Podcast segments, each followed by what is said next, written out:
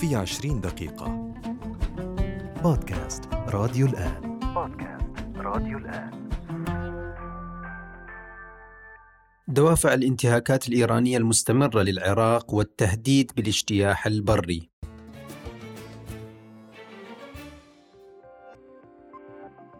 بالتزامن مع دخول التظاهرات الإيرانية الداخلية في شهرها الثاني ومشاركة شرائح واسعة من الإيرانيين في الاحتجاجات والتظاهرات. يتصاعد التهديدات الإيرانية لإقليم كردستان العراق والقيام بعمليات قصف مستمرة تستهدف الأراضي العراقية حتى وصل الأمر إلى نقل القيادات العسكرية الإيرانية لتهديدات مباشرة وواضحة بإمكانية الاجتياح البري والهجوم المباشر على الإقليم.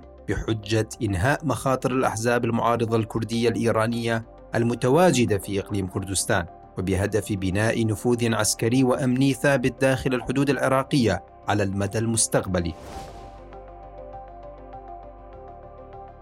مرحبا بكم في حلقة جديدة من بودكاست في 20 دقيقة نتحدث فيها عن دوافع وأسباب الانتهاكات والتجاوزات المستمرة على الأراضي العراقية وإمكانية تنفيذ التهديدات الإيرانية وخاصة من قبل الحرس الثوري الإيراني بتنفيذ اجتياح بري بحجة وجود مخاطر أمنية ضد المصالح الإيرانية القومية.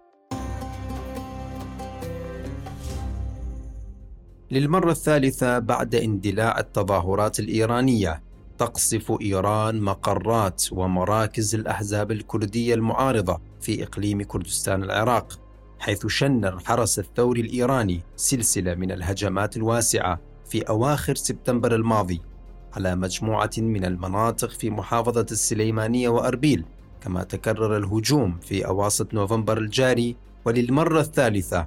وقع هجوم إيراني عنيف مساء الاثنين الماضي والذي استهدف مقرات الحزب الديمقراطي الكردستاني الإيراني في قضاء كويسنجق شمال أربيل.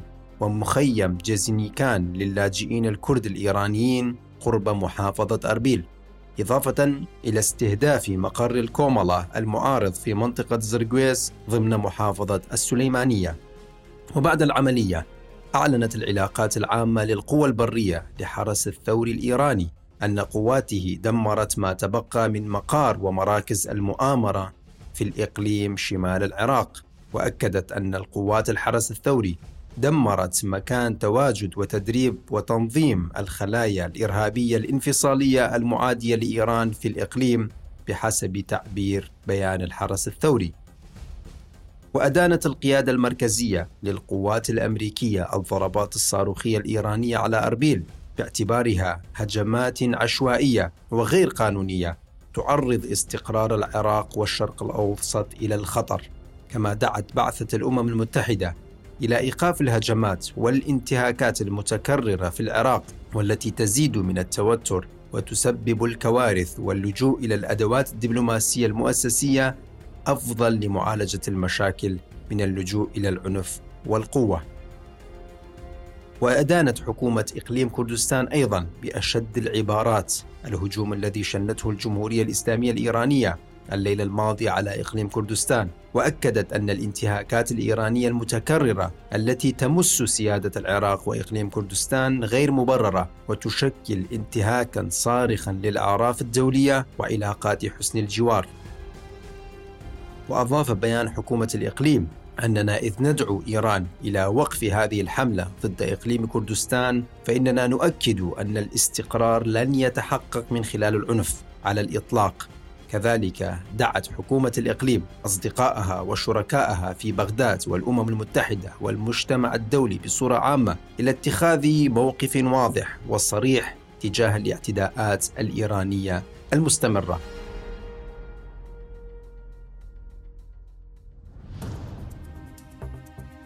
وجاء القصف الإيراني الأخير بعد أيام من زيارة قائد فيلق القدس في الحرس الثوري الإيراني إسماعيل قاآني إلى العراق ولقائه بالمسؤولين العراقيين وقيادات دينية معينة.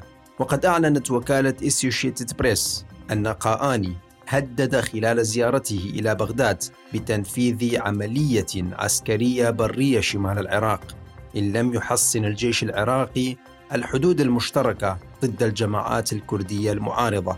كما طالب القيادي الإيراني بضرورة نزع سلاح الجماعات الكردية المعارضة لإيران في شمال العراق في تهديد واضح وصريح وخطير للدولة العراقية. وأكد مسؤولون عراقيون للوكالة أن عملية كهذه في حال تنفيذها ستكون غير مسبوقة في العراق وستفاقم التداعيات الأقليمية في ظل الاضطرابات التي تشهدها إيران داخلياً وتعتبرها مؤامرة خارجية كما أن العملية ستشكل تحديا حقيقيا للحكومة العراقية الجديدة المقربة من أطراف الإطار التنسيقي الموالي لإيران والتي ستكون في موقف محرج وعاجز عن الدفاع عن السيادة العراقية. يقول الباحث في الشأن الإيراني الدكتور فراس إلياس في تغريدة له على موقع تويتر حول هذه النوايا الإيرانية أن إيران ستنفذ عملية عسكرية داخل إقليم كردستان العراق آجلا أم آجلا؟ وقد تمتد لعمق 30 كيلومترا على ذات النموذج التركي وزيارات مسؤوليها للعراق ليست إلا مقدمة لتبرير ما قد يحصل علما بأن الهدف ليس إبعاد المعارضة الكردية عن الحدود وإنما لتحويل مناطق كردستان إيران لمنطقة عسكرية مسيطر عليها.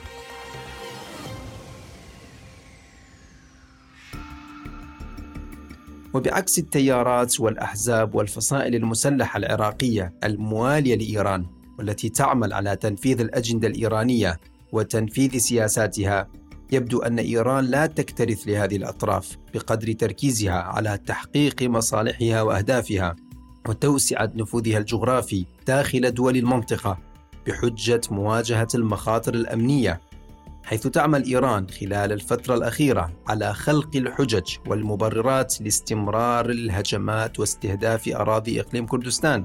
ومن ضمن هذه المحاولات نشرت وكالة الأنباء الإيرانية الرسمية إيرنا تصريحات منسوبة لمستشار الأمن القومي السابق للبيت الأبيض جون بولتون. يقول فيها أن المحتجين في إيران يستخدمون أسلحة مستوردة من قواعد عسكرية ومن أماكن في كردستان العراق. كتحريض إعلامي إيراني على إقليم كردستان. وقد سارعت حكومة الإقليم إلى نفي هذه الاتهامات والتأكيد على أن حكومة الإقليم لم ولن تسمح أو تفسح المجال أو الطريق بأي شكل من الأشكال للعبث بأمن أي دولة جارة عبر أراضي إقليم كردستان والتأكيد على أن هذه الأخبار عارية عن الصحة ومجرد أكاذيب. تعمل إيران من خلال استغلال ضعف الحكومة العراقية وعجز حكومة إقليم كردستان عن ردع هذه الانتهاكات بصورة تدريجية على بناء نفوذ بري داخل الحدود العراقية وفرض الأمر الواقع بحجة وجود مخاطر أمنية تستهدف الأمن القومي الإيراني. ويبدو أن الاحتجاجات الداخلية الإيرانية التي تطالب بإيقاف التدخلات الخارجية لم تنجح في كبح جماح القيادة الإيرانية وإقناعهم بضرورة التركيز على الاهتمام بالداخل الإيراني وإنهاء التدخلات والنشاطات الخارجية. بل يبدو أنها ساهمت بفتح شهية النظام الإيراني أكثر للتوسع والإصرار على السير على هذا النهج في تصدير الثورة بالعنف والقوة. حيث يمارس النظام الإيراني العنف واستخدام القوة المفرطة ضد مواطنيه داخل إيران، كما أنه ينشر الرعب والخوف في الخارج عن طريق القصف المستمر للحرس الثوري على الأراضي العراقية وتخويف العراقيين ونشر الرعب بين المواطنين المدنيين الذين يسكنون في أماكن قريبة على مناطق القصف الإيراني المستمر عن طريق الصواريخ والطائرات المسيرة الانتحارية. وبخصوص هذه النقطة نتحدث مع الدكتور غازي فيصل مدير المركز العراقي للدراسات الاستراتيجية ونسأله أولا كيف ترى تحركات قائد فيلق القدس الإيراني إسماعيل قاآني الأخيرة وتهديداته بالاجتياح البري في ظل الحكومة الجديدة التي أكدت مرارا؟ على قدرتها على حماية سيادة العراق والرد على الاعتداءات والانتهاكات الخارجية؟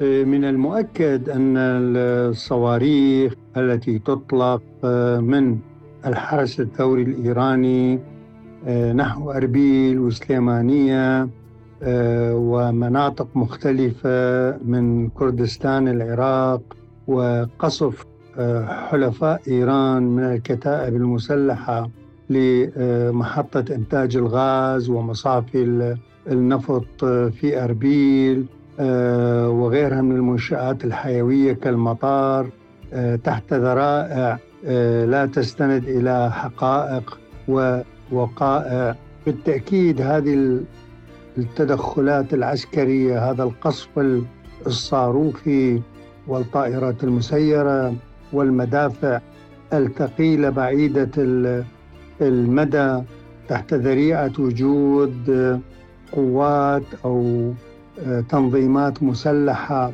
من الحزب الديمقراطي الكردستاني الإيراني كومالا.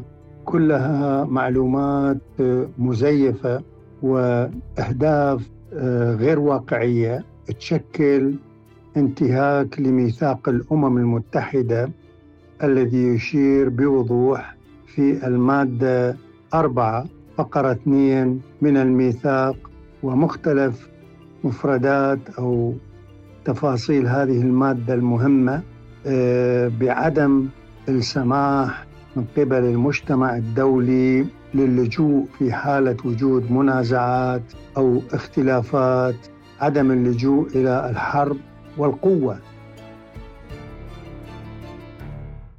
كيف يمكن تقييم هذه التهديدات والاستهدافات والتجاوزات الإيرانية المستمرة في ظل القوانين والأعراف الدولية التي تؤكد دائما على اللجوء إلى السبل الدبلوماسية لمعالجة المشاكل والنزاعات بدل اللجوء إلى القوة وخاصة بصورة إحادية كما تفعل إيران؟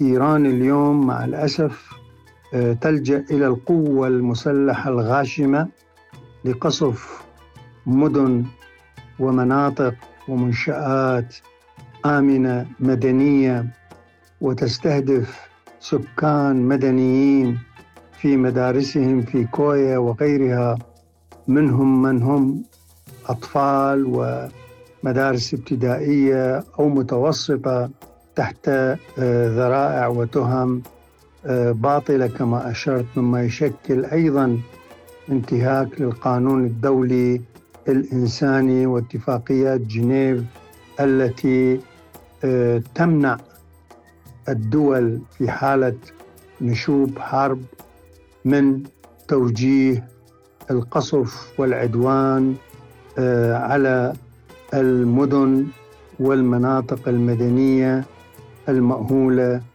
آه، بالسكان وتحرم استهداف المدنيين والمنشآت المدنية.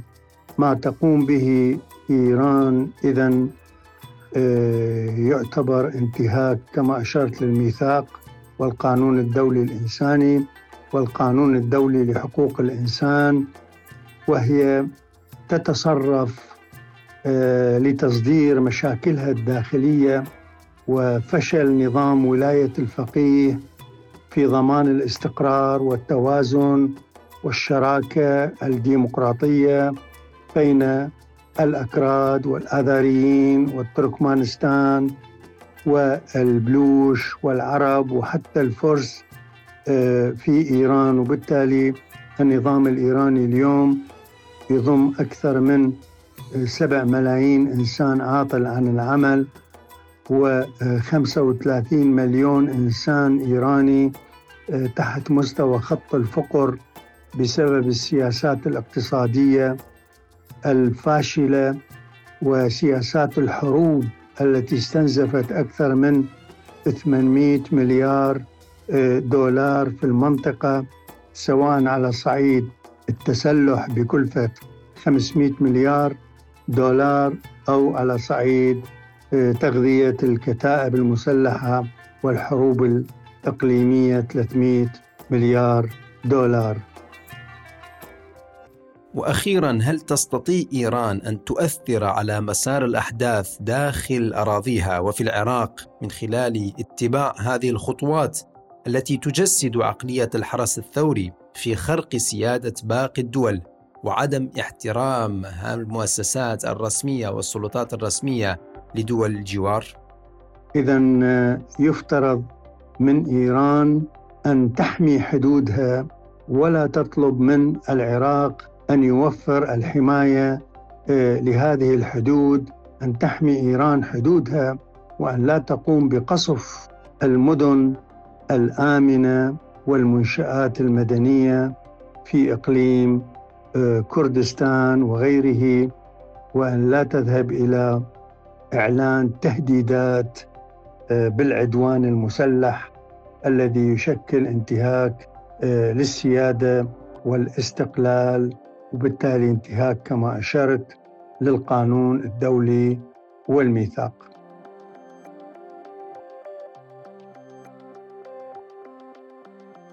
وعلى الرغم من تكرار الاستهدافات الإيرانية والتهديد المباشر والصريح لقياد إيراني بتنفيذ عمليات برية دون الاكتراث بالسيادة العراقية إلا أن الحكومة العراقية لم تتخذ أي إجراءات للرد على هذه التجاوزات الإيرانية وخاصة أن الخارجية العراقية قد أدانت سابقا بعبارات شديدة ومكررة ما أقدم عليه الجانب الإيراني من عمليات القصف المدفعي وبالطائرات المسيرة وأكدت على اتخاذ الإجراءات الدبلوماسية عالية المستوى في هذا الجانب غير متوانية عن حفظ وصون سيادة العراق وبما يعزز أمن شعبه دون تحول هذه الوعود والتصريحات إلى أي خطوات فعالة على أرض الواقع أو التهديد بتفعيل الورقة الاقتصادية التي في حال استمرار إيران في انتهاك السيادة العراقية من الممكن أن تلعب دورا حقيقيا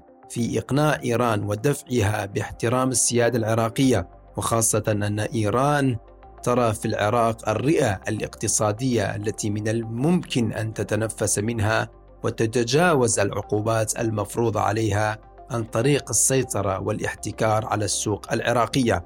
وبالتالي بإمكان السلطات العراقية استغلال هذه النقطة في ردع الجانب الإيراني ودفعه لإيقاف هذه الانتهاكات المستمرة التي تعطي انطباعا سلبيا حول قدرة العراق وتقلل من قيمة المؤسسات الرسمية لدى مواطنيه ولدى المحيط الإقليمي والخارجي.